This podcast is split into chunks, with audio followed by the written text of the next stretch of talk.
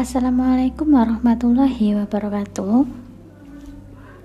Setelah kita pada sesi yang lalu, pada episode yang lalu sudah membahas terkait perizinan uh, untuk mengambil data dalam penelitian kuantitatif.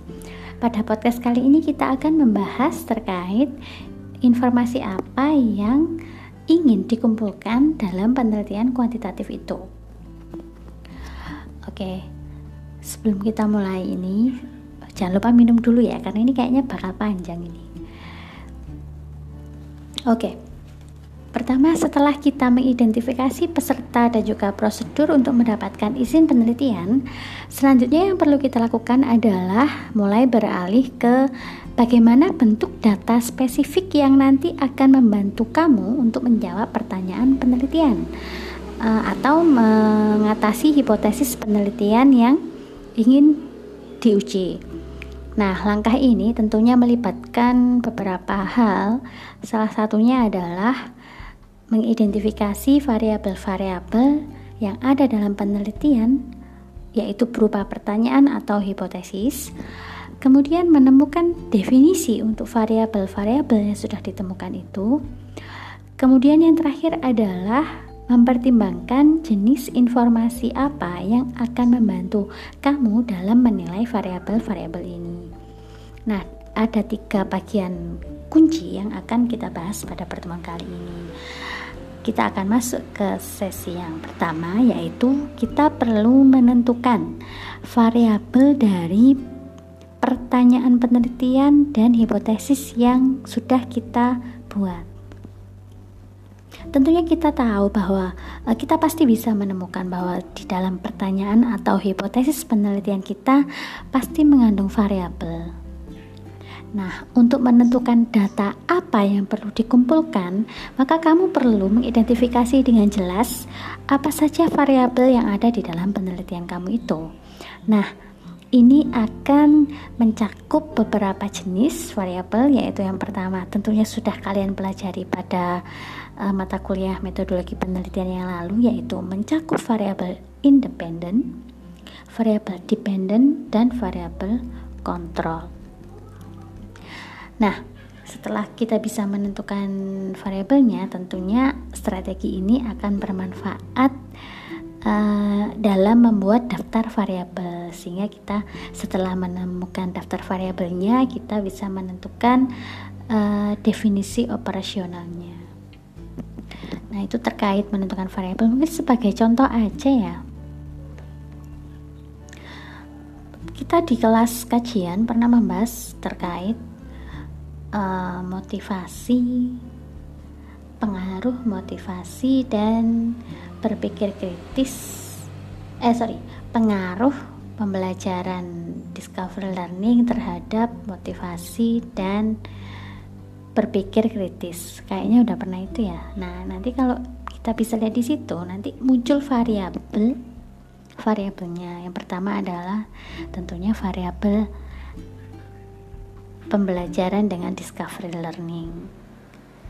Itu variabel sebagai variabel kontrolnya kemudian di situ ada motivasi siswa. Nah motivasi siswa ini merupakan variabel independen serta uh, pengemampuan berpikir kritis itu sebagai variabel independen karena tergantung daripada kontrol yang diberikan. Mungkin jika saya salah bisa dibenarkan ya. Oke, kita lanjut ke setelah kita menentukan variabel, kita perlu menentukan definisi variabelnya secara operasional. Apa itu yang dimaksud definisi secara operasional? Banyak definisi variabel yang mungkin bisa jadi definisi dari kamus, definisi dari ahli, tetapi di sini peneliti perlu menggunakan definisi operasional. Apa itu definisi operasional? Definisi operasional merupakan spesifikasi bagaimana kamu akan mendefinisikan dan mengukur variabel dalam studi Anda itu. Gimana cara kita menemukan definisi operasional? Uh, kita bisa menemukan definisi dalam studi penelitian yang diterbitkan yang uh, relevan dengan topik yang kita ambil. Nah, kadang-kadang penelitian ini kadang-kadang uh, ada penelitian yang menyebutnya itu tidak definisi operasional tapi menyebutnya sebagai definisi istilah. Oke, selain melihat dari publikasi-publikasi kita juga bisa melihat definisi operasional itu dari ringkasan penelitian. Bisa dari buku, textbook, bisa dari ensiklopedia. Namun dalam beberapa situasi kadang definisi yang jelas dan cocok itu yang digunakan untuk uh, ketika ketika kita tidak bisa menemukan ukuran dari definisi yang diberikan di dalam buku atau di dalam penelitian yang ada itu tidak menemukan suatu ukuran untuk melihat terkait variabel itu untuk mengukur uh, bagaimana variabel itu tinggi rendahnya untuk gimana untuk mengukurnya itu nggak ada maka kita perlu membuat suatu definisi sendiri. Nah kalau memang seperti itu uh, kamu harus menguji dengan um, siswa atau individu lain yang memiliki pengetahuan tentang topik dan variabel Anda, variabel kamu itu sebelum menggunakannya ke dalam penelitian. Bisa dari dosen pembimbing, bisa dari rekan sejawatnya. Definisi kamus juga bisa digunakan, tapi ya ingat definisi kamus itu sering mencerminkan penggunaan istilah yang lebih umum daripada yang aplikatif sesuai dengan penelitian kita itu terkait definisi operasional. Kita masuk ke bagian yang ketiga yaitu kita perlu memilih jenis data beserta ukurannya. Nah, dengan definisi operasional kita uh, definisi operasional untuk variabel kita, kita selanjutnya bisa mengidentifikasi jenis data yang akan mengukur variabel kita itu tadi. Nah, peneliti perlu mengumpulkan data pada instrumen. Nah, uh, jadi instrumen itu adalah alat untuk mengumpulkan data, alat untuk mengukur, untuk mengamati atau mendokumentasikan data kuantitatif. Nah, ini perlu diidentifikasi para peneliti sebelum dia mengumpulkan data. Nah, instrumen itu bisa berupa apa? Bisa berupa tes, bisa berupa kuesioner, bisa lembar perhitungan, bisa daftar list atau log, kemudian daftar uh, lembar observasi pengamatan, inventaris, catatan-catatan, atau instrumen-instrumen penilaian yang lain. Nah, Peneliti itu dapat menggunakan instrumen untuk mengukur pencapaian, menilai kemampuan individu, mengamati perilaku, mengembangkan profil psikologi seseorang, atau juga mewawancari seseorang. Nah, di dalam penelitian kuantitatif ada empat jenis informasi utama yang dikumpulkan. Sebenarnya ada empat, ada empat jenis informasi utama. Yang pertama itu adalah ukuran terkait performance individu, jadi bisa berupa hmm, hasil ujian, hasil belajar, kemudian uh, uji kriteria tertentu, misalkan kemampuan pemecahan masalah, kemudian berpikir kritis, kemudian uh, tes intelijensi, tes aptitude, aptitude itu ya terkait bagaimana performance seseorang ketika di ketika apa ya ketika dihadapkan masalah yang baru different situation situasi yang baru itu aptitude test. Kemudian ada interest inventory atau tes yang menyediakan informasi terkait uh, ketertarikan seseorang dan membantunya untuk dalam memilih itu loh kayak karirnya itu kesesuaian kesesuaian antara ketertarikan dengan karir. Kemudian ada personality assessment nah, itu masih masih masuk performance assessment uh, performance individu tadi.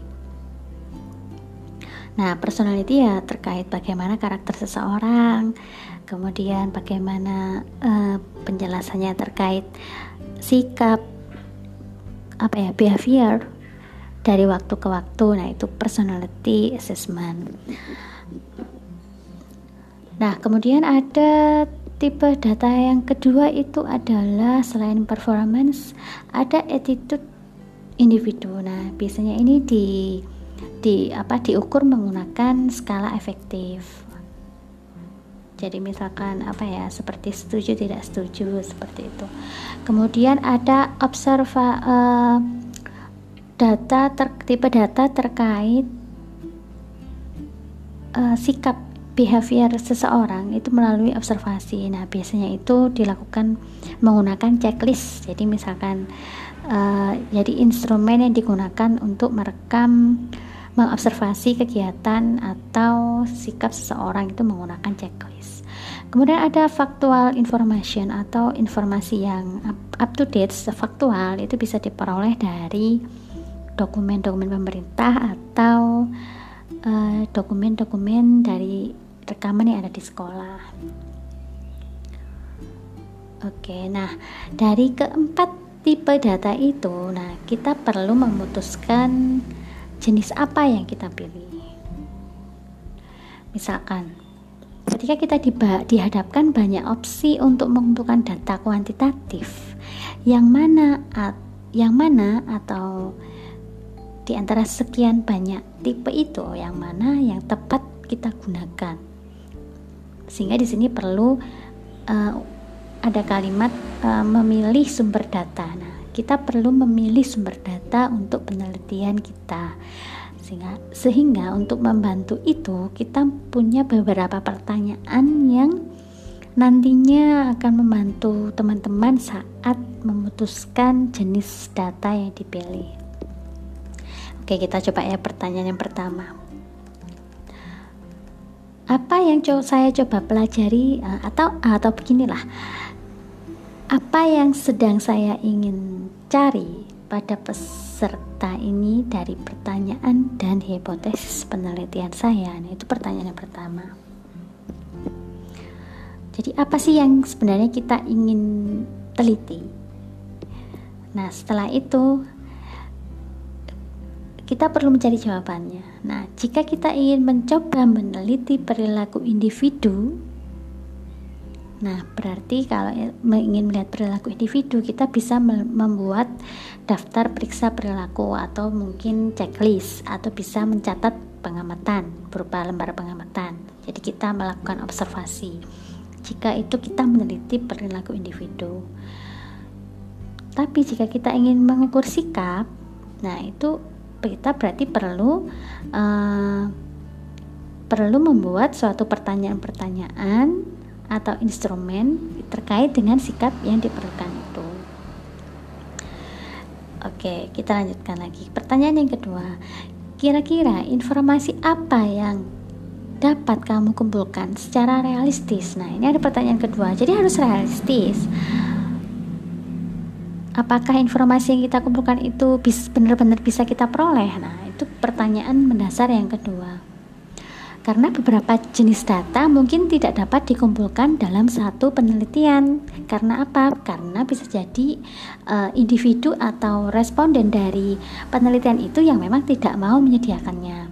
Misalkan, misalkan ya, misalkan kalian ingin mencari terkait hmm, data penggunaan uh, penyalahgunaan narkoba di sekolah. Nah, itu kan mungkin sulit untuk dikumpulkan karena itu kan dianggap sebagai sesuatu hal yang negatif. Jadi kadang itu tidak dapat kita peroleh. Tapi kalau misalkan kita mengidentifikasi uh, berapa jumlah suspensi siswa yang menyalahgunakan narkoba itu malah mungkin bisa lebih realistis. Kalau di matematika ya misalkan seperti ini. Uh, misalkan kita ingin melihat uh, terkait prestasi belajar siswa.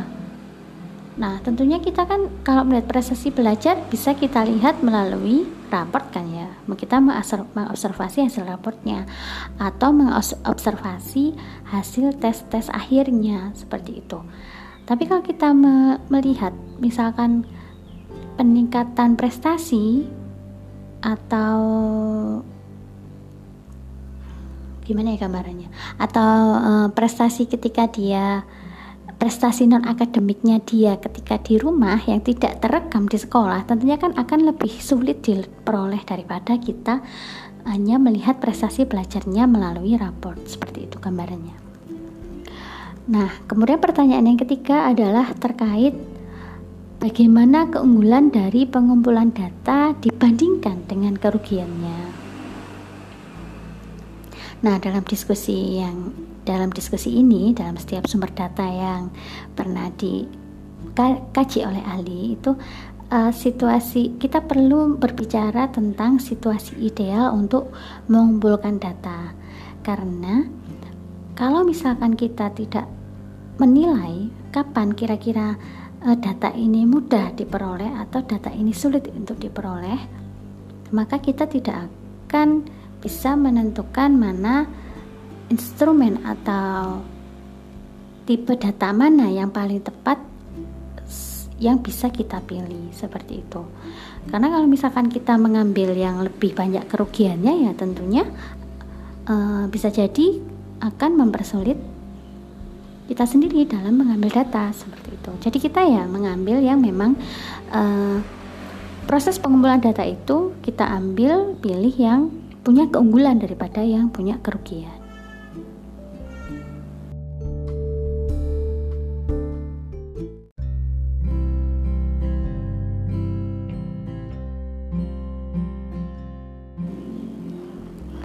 Oke, jadi sebenarnya di sesi ini kita hanya perlu memperhatikan tipe dari data yang kita ambil nanti itu data terkait performance atau terkait sikap atau terkait behavior, behavior itu perilaku atau terkait uh, informasi faktual yang diperlukan untuk menggali lebih jauh variabel yang sedang kita teliti. Ketika kita sudah menentukan itu, maka kita bisa melanjutkan ke episode berikutnya setelah ini, yaitu terkait menentukan instrumen apa yang tepat untuk mengukur tipe data yang kita ingin ukur seperti itu. Oke, sampai jumpa pada sesi berikutnya di episode berikutnya. Terima kasih masih stay di podcast ini. Sampai jumpa lagi, semoga tetap sehat. Wassalamualaikum warahmatullahi wabarakatuh. Bye.